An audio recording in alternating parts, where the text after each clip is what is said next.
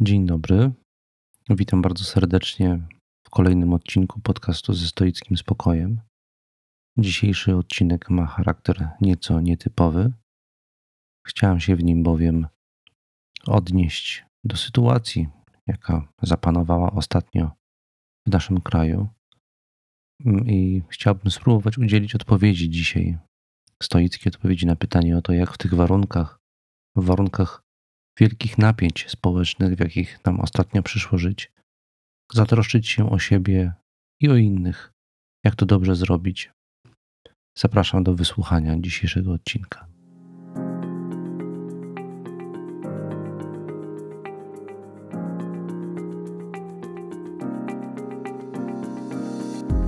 Mamy ograniczony wpływ na to, gdzie i pośród jakich ludzi żyjemy nie my decydujemy, co nam się codziennie przydarza.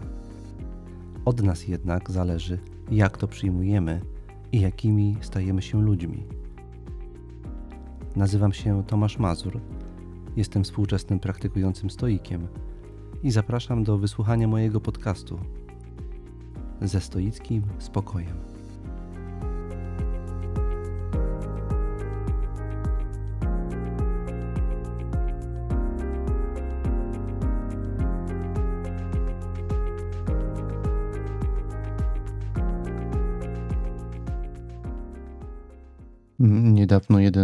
Ze słuchaczy przysłał mi zapytanie o to, jak stoik powinien protestować w takich czasach jak nasze.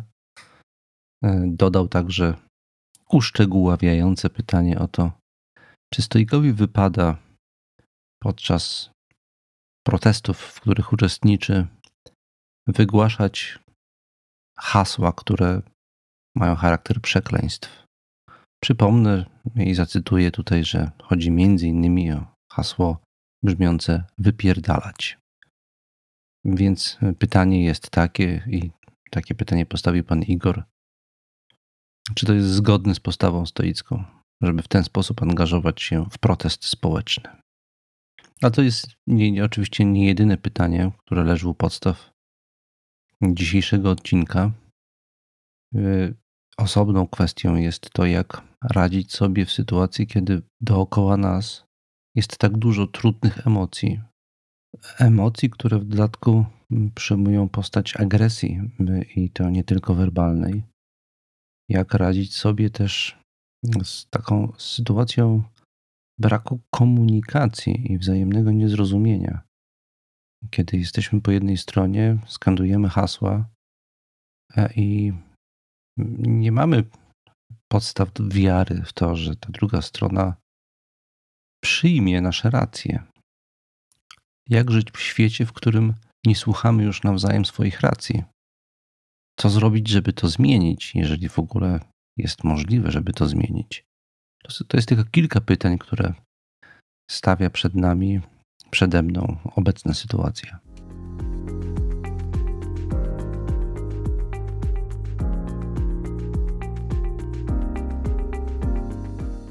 Chciałbym zacząć od mm, pewnej wstawki historycznej i przypomnieć y, słuchaczom, że stoicyzm mm, powstał w czasach, a także był najbardziej popularny w historii naszej, w czasach, w których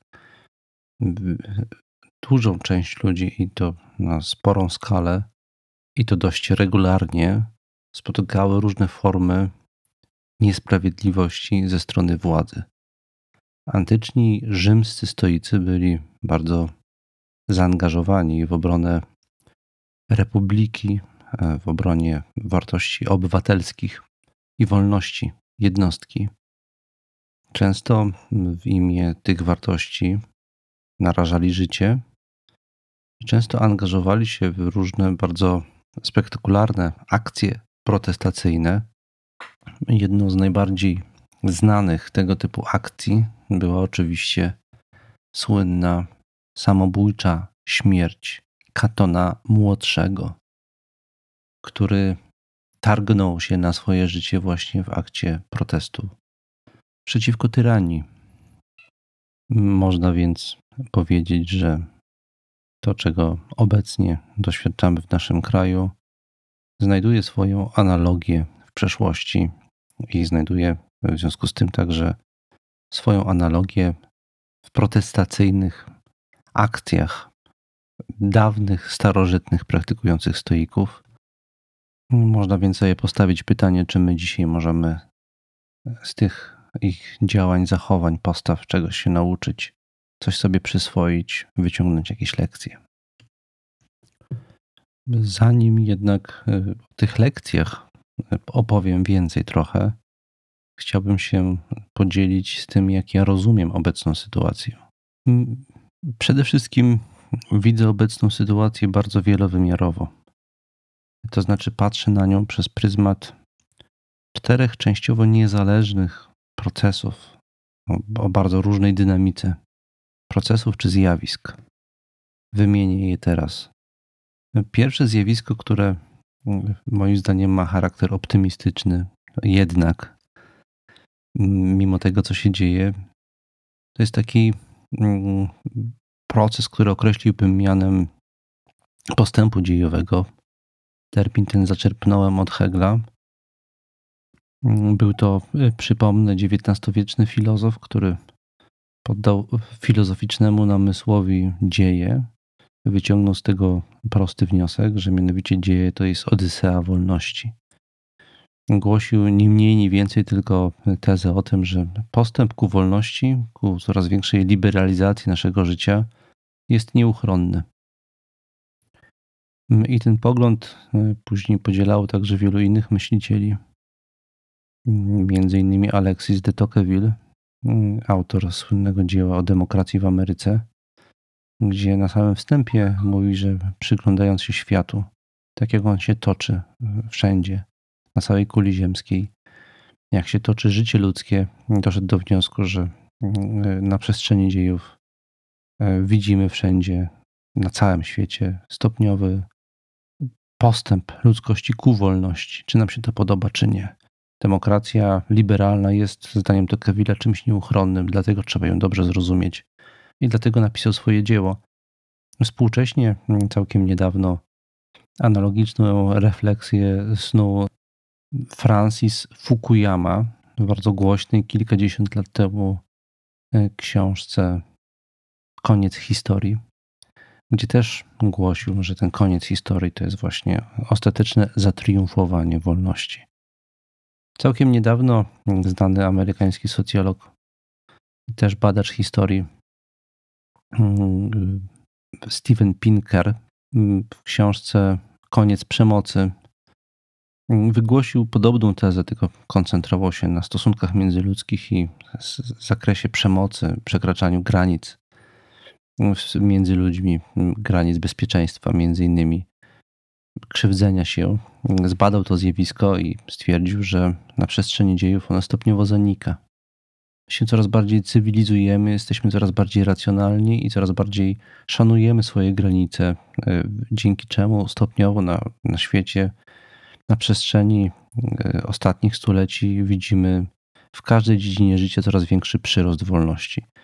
I te, ten pogląd podziela wielu badaczy, wielu myślicieli. Jeżeli e, następują e, takie zjawiska, jak na przykład obecnie w Polsce, że można powziąć przekonanie, iż ten, ten, to zjawisko, ten, to, ta tendencja się odwróciła. Cały czas można argumentować, że tak jak w każdej prawidłowości o charakterze statystycznego przyrostu czegoś, E, jest zupełnie naturalnym, że następują wahnięcia, wręcz jest to czymś spodziewanym i oczekiwanym. E, sam Hegel, na którego się tutaj na samym wstępie powołałem, twierdził, że mm, ten proces e, nie odbywa się bez tarć. Więcej pewnego rodzaju tarcia są nieuchronne, albowiem w każdej społeczności mniej lub bardziej lokalnie występują pewne siły oporu zainteresowane zachowaniem pewnego status quo, którego historycznie już się zachować nie da. Stąd e, musi dochodzić do tarć. E, stąd też Hegel uważał, że e, wojny, konflikty są nieuchronne, albowiem postęp bez nich się nie może odbywać. No i to jest ta pierwsza moja narracja, mm, pierwszy kontekst, y, przez który patrzę na obecną, y, kontekst optymistyczny, przez który patrzę na, na współczesną sytuację w Polsce. Ja wierzę w to, że my jako ludzie mm, się rozwijamy, jesteśmy coraz wrażliwsi na krzywdę drugiego, jesteśmy coraz mądrzejsi jako ludzkość mm, i coraz lepiej się uczymy ze sobą rozmawiać. I jestem przekonany, że to, czego doświadczamy, nie tylko w Polsce, ale w wielu miejscach na świecie, jest y, tylko chwilowe wahnięcie w tył. Natomiast ten postęp musi ruszyć dalej naprzód. To jest po prostu cywilizacyjnie, ewolucyjnie nieuchronne. Takie żywie przekonanie i chciałbym posłać to przekonanie w eter y, dzisiaj.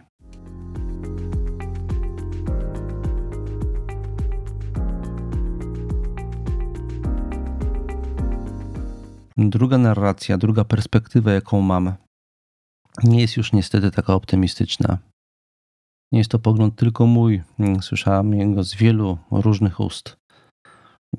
Mianowicie, nigdy jeszcze chyba w historii ludzkości nie było takiej sytuacji, jak jest obecnie. Mianowicie, żeby tak wielu ludzi nauki wieszczyło y, zbliżanie się katastrofy. Mam na myśli oczywiście kryzys klimatyczny. Stoimy u progu jednego z największych problemów w historii ludzkości. I nie wiadomo, czy w ogóle sobie z nim będziemy w stanie poradzić. Tego rodzaju zagrożenie, które jest nam nieustannie na różne sposoby komunikowane i o którym e, nam przypominają różne autorytety, światli ludzie, w zestawieniu z tym, że my cały czas za mało robimy żeby się na to przygotować i żeby przeciwdziałać katastrofie klimatycznej, to w sposób nieuchronny musi generować duży poziom lęku u ludzi, duże poczucie zagrożenia. Jeżeli my żyjemy z tym poziomem lęku, to jest to doskonała przestrzeń, czy to, to są doskonałe warunki do krzewienia się różnych skrajnych ruchów społecznych i do radykalizacji się postaw.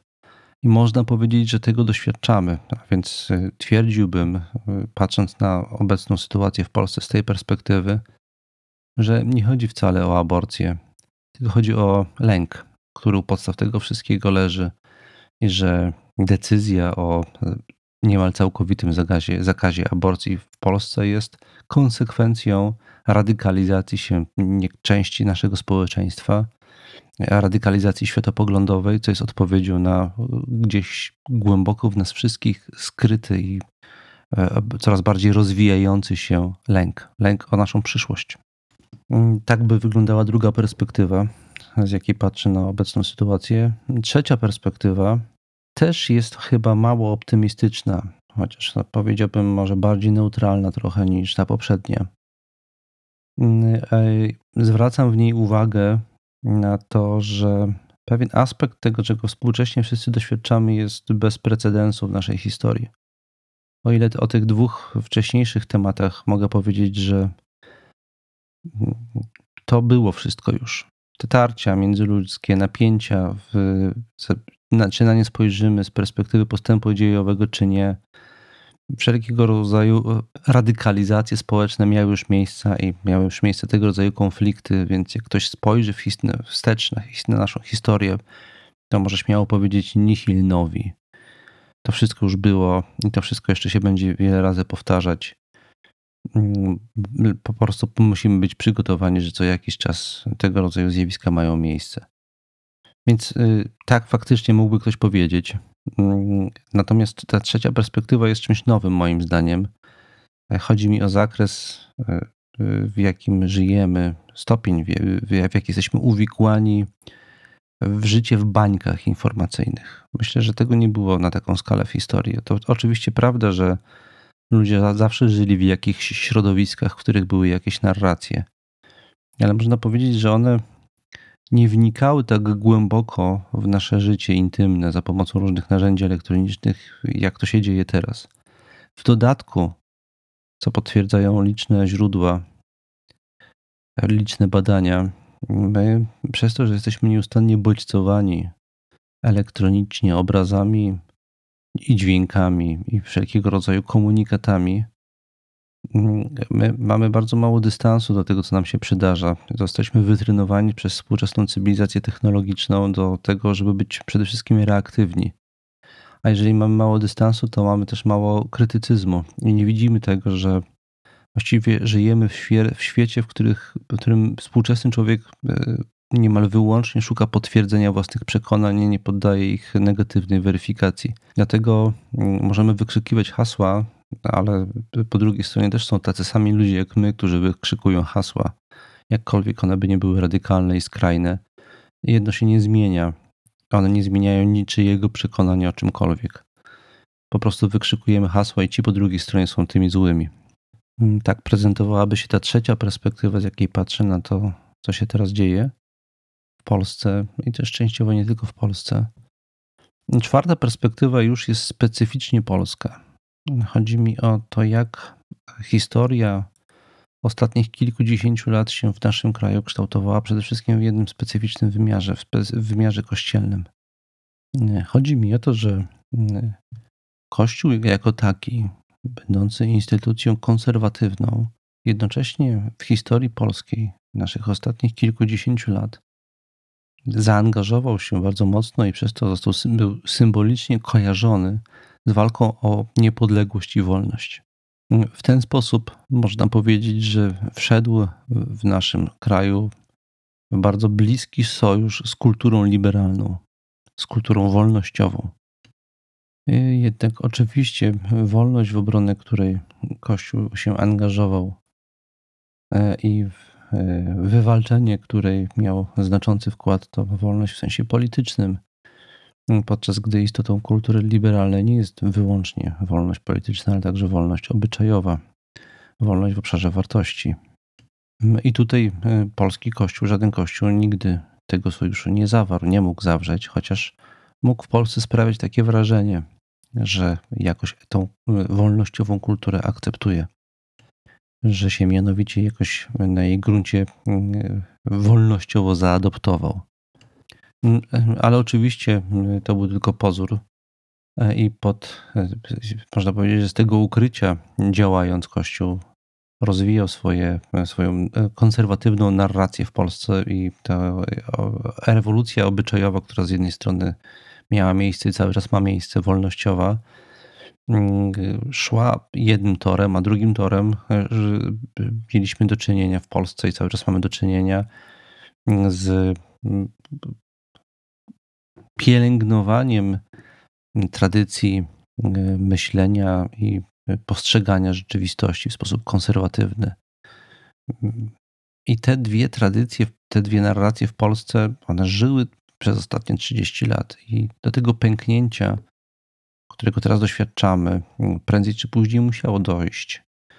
E, proces, który się w innych krajach europejskich odbył, mm, od, odseparowywania stopniowego Kościoła od państwa i ograniczenia wpływu Kościoła na, na obyczajowość. Te, te zjawiska miały miejsce, odbyły się w większości krajów zachodnich mm, na przestrzeni ostatnich 50 lat, natomiast w Polsce się on ten proces nie dokonał. Dlatego właśnie, że y, konserwowały jego pozycję w kulturze liberalnej mm, zasługi Kościoła w Polsce dla ruchów naszych niepodległościowych. Tak więc podsumowując, to co się teraz w Polsce dzieje, moim zdaniem jest konsekwencją nałożenia się na siebie tych czterech procesów. Może bym dodał jeszcze jeden element, który jakoś by był obecny we wszystkich tych pozostałych perspektywach, które mm, tutaj już naszkicowałem, ale który chcę wydobyć teraz troszeczkę na wierzch jeszcze jeden aspekt tego zjawiska. Mm, wielu komentatorów podkreśla i widzimy to uczestnicząc w protestach, że na ulicach jest y, bezprecedensowa ilość młodych ludzi. Tak jakby ta obecna sytuacja właśnie uruchomiła ich politycznie.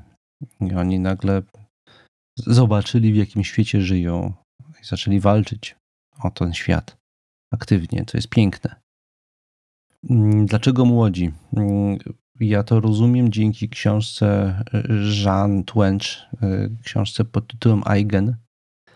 Jest to socjolożka amerykańska, która przebadała, bardzo dokładnie przeanalizowała ankiety prowadzone w Stanach Zjednoczonych na przestrzeni ostatnich kilkudziesięciu lat i zauważyła, że współcześni młodzi ludzie w momencie, kiedy zaczęli używać telefonów komórkowych posiadających system Androida, ten dotykowy ekran, coś bardzo znacząco się w nich pozmieniało. Tam ona w tej książce szkicuje to w bardzo wielu aspektach, w bardzo wielu kontekstach te zmiany dostrzega, ale abstrahując już od tego, na co zwracają inni badacze, że nam jest dzisiaj i także współczesnym młodym ludziom cię, dużo ciężej myśleć abstrakcyjnie, analitycznie, mamy duży problem z koncentracją uwagi. Powiedzmy, że to są zjawiska nie do końca pozytywne. Ale jedno zjawisko jest bardzo pozytywne. Tolerancja. To zauważyła Jean Twench.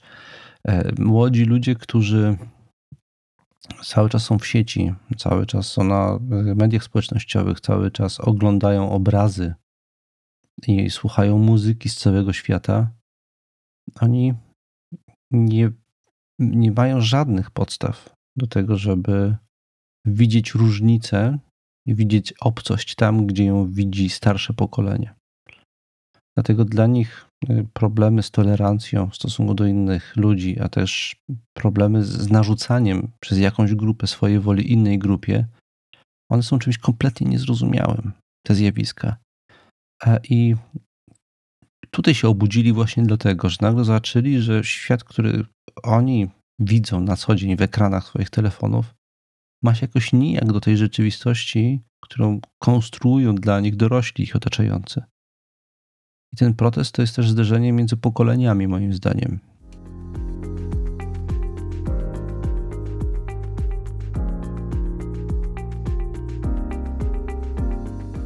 W tym miejscu bym skończył mój komentarz filozoficzny, powiedz, powiedzmy, filozoficzno-obyczajowy do tego, co się teraz dzieje. I ten komentarz już właściwie jest częściowo odpowiedzią na pytanie, które sobie postawiłem, jak sobie po stoisku z tą sytuacją radzić. Dlatego, że jednym z pierwszych elementów radzenia sobie w takiej sytuacji dla stoika jest spojrzenie na, na, na zjawisko, w którym uczestniczymy. Zwłaszcza jeżeli w tym zjawisku mm, uczestniczą także silne emocje, nie tylko nasze, ale naszego otoczenia. Emocje, które potrafią być niebezpieczne, bo w sposób niekontrolowany potrafią zadziałać na proces grupowy e, i to może prowadzić do tragedii. No więc y, jedno z pierwszych ruchów, jaki stoik może zrobić, to jest, tak jak powiedziałem, spojrzenie na to, co się dzieje z dystansem, a to, co właśnie teraz zrobiłem, to jest taki dystans. Mm, zobaczyć to, co się dzieje, co nam się wydaje niezrozumiałe, z perspektywy bardziej zrozumiałych procesów. Wtedy nam jest to łatwiej zaakceptować i łatwiej się w tym odnaleźć, a także łatwiej zaplanować sobie jakieś racjonalne strategie działania, gdzie ja w tym procesie dziejowym, który się teraz dzieje na świecie, siebie ulokuję, tak żeby temu, co w historii pozytywne, pomóc zaistnieć, bo o to przede wszystkim chodzi. Więc protestować tak, nie zgadzać się i oburzać tak, ale jednocześnie trzeba dzięki temu, że patrzymy na to z pewnego dystansu, że umiemy spojrzeć na to, co się dzieje z pewnego dystansu, trzeba umieć sobie zaplanować takie działanie i odnaleźć dla siebie taką przestrzeń, dzięki której stopniowo i długofalowo mm, to, co się dzieje, można zmienić. Bo ja się nie łudzę co do jednego. Ten proces, to napięcie, które jest w Polsce, powiedzmy, że mamy do czynienia z pewnym przesileniem, to się nie zmieni za, zbyt łatwo. My, my jesteśmy świadkami przesilenia w bardzo długim i złożonym procesie, który jeszcze przez wiele lat będzie się w Polsce działo. My jako społeczeństwo Dopiero od 30 lat zaczęliśmy dojrzewać i funkcjonować jako społeczeństwo obywatelskie i naprawdę bardzo wiele rzeczy jeszcze musimy się nauczyć, a czasy nam w tym nie pomagają. Mm, nie mieliśmy czasu na to, żeby spokojnie sobie rozwinąć procedury i struktury. A jest bardzo wiele do zrobienia. Podam prosty przykład. Wspomniałem, że jednym z czynników tego zjawiska współczesnego, tego, co, jak ono zostało uruchomione i jak się dzieje w świecie, zwłaszcza w Polsce, jest to, że żyjemy w tych bańkach informacyjnych i że na to za bardzo pojedynczy człowiek nie ma wpływu. I pytanie, jak my możemy to zmienić? W jakim obszarze rzeczywistości podjąć działania, żeby człowiek nie stawał się tak łatwo łupem funkcjonowania w bańkach informacyjnych? Moim zdaniem to jest zadanie edu dobrej edukacji. Są kraje, które bardzo mocno zainwestowały w edukację właśnie w ten obszar krytycznego myślenia mm, e, i badania rzeczywistości. Mam na myśli tutaj w szczególności kraje skandynawskie. Moja teza jest taka, ja jestem mm, e, nauczycielem, osobą zaangażowaną w edukację i to jest zadanie dla nas też to, co jest w szkołach teraz, nie wystarcza. Nie przygotowuje młodych ludzi do świata, w którym umieliby poradzić sobie z przebiciem bańki informacyjnej. To dorośli też sobie z tym nie radzą. Do nich też trzeba umieć dotrzeć z programami edukacyjnymi na ten temat. To jest jedno z zadań, jeden z obszarów, w których powinniśmy coś zmienić. Jest takich obszarów bardzo wiele. Chcę więc powiedzieć, że pierwszym warunkiem zatroszczenia się o siebie jest umiejętność spojrzenia z pewnej perspektywy na to, co się dzieje i zrozumienie tego jako pewnego szerszego zjawiska, też zaakceptowania do pewnego stopnia, jako czegoś, w czym uczestniczymy wszyscy. Bo my jesteśmy wszyscy, idziemy na tym wózku. To się nie stało nagle. To był proces, który przez wiele lat wokół nas się dział. I on teraz, można powiedzieć, wybuchł. E, I jesteśmy wszyscy jakoś za niego współodpowiedzialni. Tak jak Jaspers y, może to nie jest za dobra analogia, ale teraz mi przyszło do głowy Karl Jaspers po II wojnie światowej napisał esej pod tytułem Problem winy i powiedział, że to nie jest tak, że jakaś grupa coś złego zrobiła, a reszta jest niewinna. My wszyscy jesteśmy jako jedno, jako pewna całość narodem i wszyscy jesteśmy tak samo winni jako Niemcy za to, co się stało podczas II wojny światowej. Chcę tylko powiedzieć to samo odnośnie obecnej sytuacji. Wszyscy w tym jesteśmy. Wszyscy jakoś doprowadziliśmy do tej polaryzacji i teraz każdy z nas musi osobno pomyśleć, co on jako jednostka może zrobić, żeby jakoś przełamać tą polaryzację. Z kimś bliskim, kto ma odmienne poglądy, może zacząć inaczej rozmawiać i dotrzeć do niego. I odnośnie tej polaryzacji, jeszcze jedną rzecz chciałem powiedzieć. Też w ramach tego zatroszczenia się o rozumienie tej sytuacji. Bardzo często mamy taką czarno-białą narrację, że mm, y, jest jakaś jedna strona, która depcze naszą, naszą godność i wolność, i że po jednej stronie jest zło, po drugiej stronie jest dobro. Mm, parę lat temu dość głośną książkę opublikował Jonathan Haidt. Mm, ta książka nosi tytuł Prawy Umysł i koncentruje się na konfliktach wartości ta książka. Ja mam dość zbliżony pogląd do autora w jednym obszarze, mianowicie takim, że Mm, ludzie nie są źli, ci, z którymi się nie zgadzamy. Oni mają bardzo często po prostu inne priorytety w obszarze wartości. To nie jest tak, że y, ktoś depcze wolność i jej nie szanuje. To jest tak, że po prostu inne wartości y, szanuje wyżej. I mm, czasami tak jest, że wartość, którą wyznajemy, musi ustąpić innej ważnej wartości, bo ona się może naprawdę okazać w jakiejś sytuacji, w jakimś kontekście ważniejsza. Tutaj e, obecnie e, doświadczamy konfliktu między dwoma wartościami: między wartością, ży wartością życia mm, a wartością wolności. I moim zdaniem ten konflikt, tego konfliktu nie da się rozwiązać. On zawsze będzie. Problem leży zupełnie gdzie indziej, nie w konflikcie między tymi dwoma wartościami. Bardzo często próbuję się to przedstawić w ten sposób. A, tak jak powiedziałem, ten konflikt jest nieuchronny i nieusuwalny.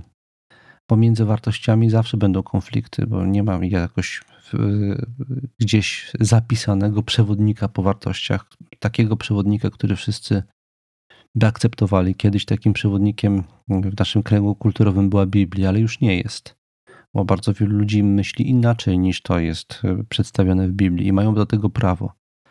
Główny problem, tak jak powiedziałem, nie polega na tym, że mamy do czynienia z konfliktem między dwoma różnymi wartościami. Problem polega na tym, że mylimy, że bardzo wiele osób myli posiadanie wartości z posiadaniem racji. Tymczasem jedyną racją, całą mocą chciałem to podkreślić tutaj. Jedyną racją, jaka występuje w obszarze wartości, to jest konsensus.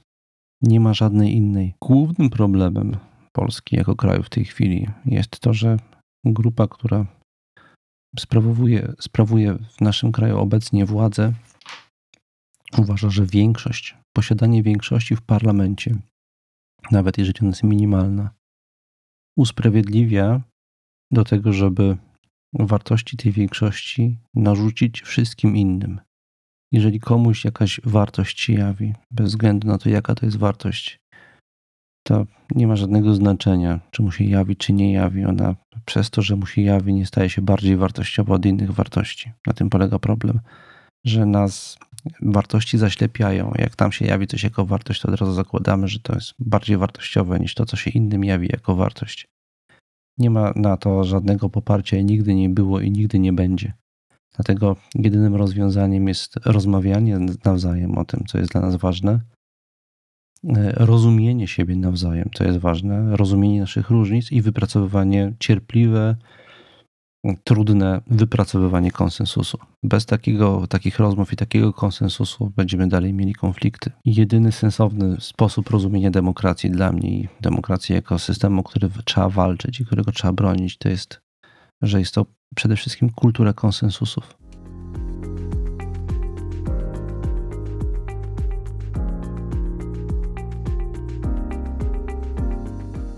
Na koniec odpowiem na pytanie pana Igora, czy stoik, e, który przyłącza się do protestu, a nie jest to niewskazane dla stoika, żeby w takiej sytuacji protestować. Ja jako stoik protestuję w obecnej sytuacji przeciwko narzucaniu jakiejś wartości e, z racji tego, że reprezentuje ją, reprezentuje ją grupa posiadająca władzę innym wartościom.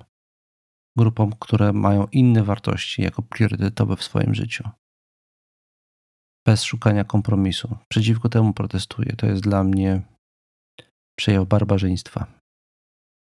Barbarzyńca to nie jest ktoś, kto nie ma wartości. Barbarzyńca to jest ktoś, kto myśli, że ma lepsze wartości od innych. Ale miałem udzielić rady, czy właściwie odpowiedzi na pytanie pana Igora, moja odpowiedź jest taka. Nieważne, co skandujesz. Ważne, czy naprawdę przemyślałeś w, tak jak powiedziałem, zdystansowany i racjonalny sposób efektywność tego, co skandujesz. Czy przybliżasz się do świata, w którym, czy dzięki temu, co skandujesz, przybliżasz się do świata, w którym ludzie e, siebie nawzajem bardziej słuchają, starają zrozumieć, czy może przyczyniasz się do niechybnej eksplozji, erupcji emocji i przesilenia, które może mieć krwawy charakter, na przykład? To trzeba rozważyć, czy niektórymi hasłami nie przyczyniamy się do tego, przeciwko czemu protestujemy. Dlatego ja, jako stoik, nie będę rzucał przekleństwami. Nie będę też Y, obrzucał kościołów farbo, farbą, czy y, sprayował je y, napisami nienawistnymi. Chociaż zgadzam się z tym, że postawa kościoła w Polsce, nietolerancyjna postawa, niedialogiczna postawa, jest jednym z problemów. Mm, I zauważmy, że kurs Watykanu już jest trochę inny niż kurs polski. Tak jakbyśmy mieli swój własny polski kościół. Mm, e, inny niż ten, który jest w Watykanie w tej chwili. E, więc to nie jest też, to nie jest moja droga jako stoika, żeby w ten sposób manifestować swoje niezadowolenie. Uważam, że są inne konstruktywne drogi. Na przykład zachęcam do wszystkich osób, wszystkie znane mi osoby, które mają problem ze swoją przynależnością do kościoła w Polsce, zrozumiałe obecnie, zachęcam do dokonywania aktów apostazji. To jest argument, który może przemówić do polskiego kościoła, dzięki czemu zmieni narrację i przestanie y, oddziaływać na politykę w sposób, w jaki oddziałuje. Y, I y, wyznam, że ja osobiście nie mogę dokonać aktu apostazji, chociaż bardzo chętnie bym to zrobił. gdyż nie jestem człowiekiem ani wierzącym, ani nawet ochrzczonym. Takie były losy mojej rodziny, że to się stało i cieszę się z tego. Natomiast w mojej bliskiej rodzinie udało mi się nakłonić już po rozmowie niektóre osoby do tego i one planują to w najbliższym czasie zrobić.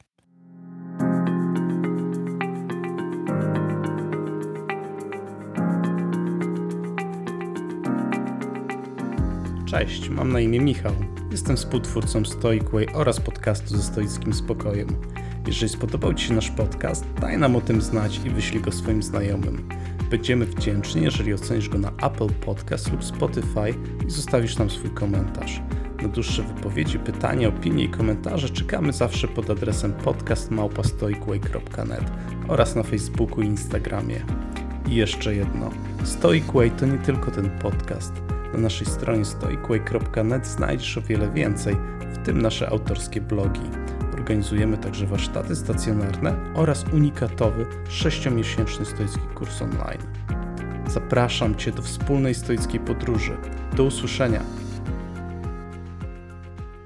Podsumowując, zdystansowana refleksja, szukanie długofalowych strategii działań, które mogą przynieść zmianę i angażowanie się w te strategie, znalezienie dla siebie miejsca we współczesnym świecie w taki sposób, żeby coś w nim realnie zmienić. No i wreszcie nieangażowanie się w protesty w sposób, który może przyczynić się do niekontrolowanej eskalacji emocji, bo to jest zawsze niebezpieczne i prawie zawsze prowadzi do rezultatów niechcianych przez nikogo. Za uwagę dziękuję dzisiaj i zachęcam do racjonalnych form protestu. Do, do usłyszenia.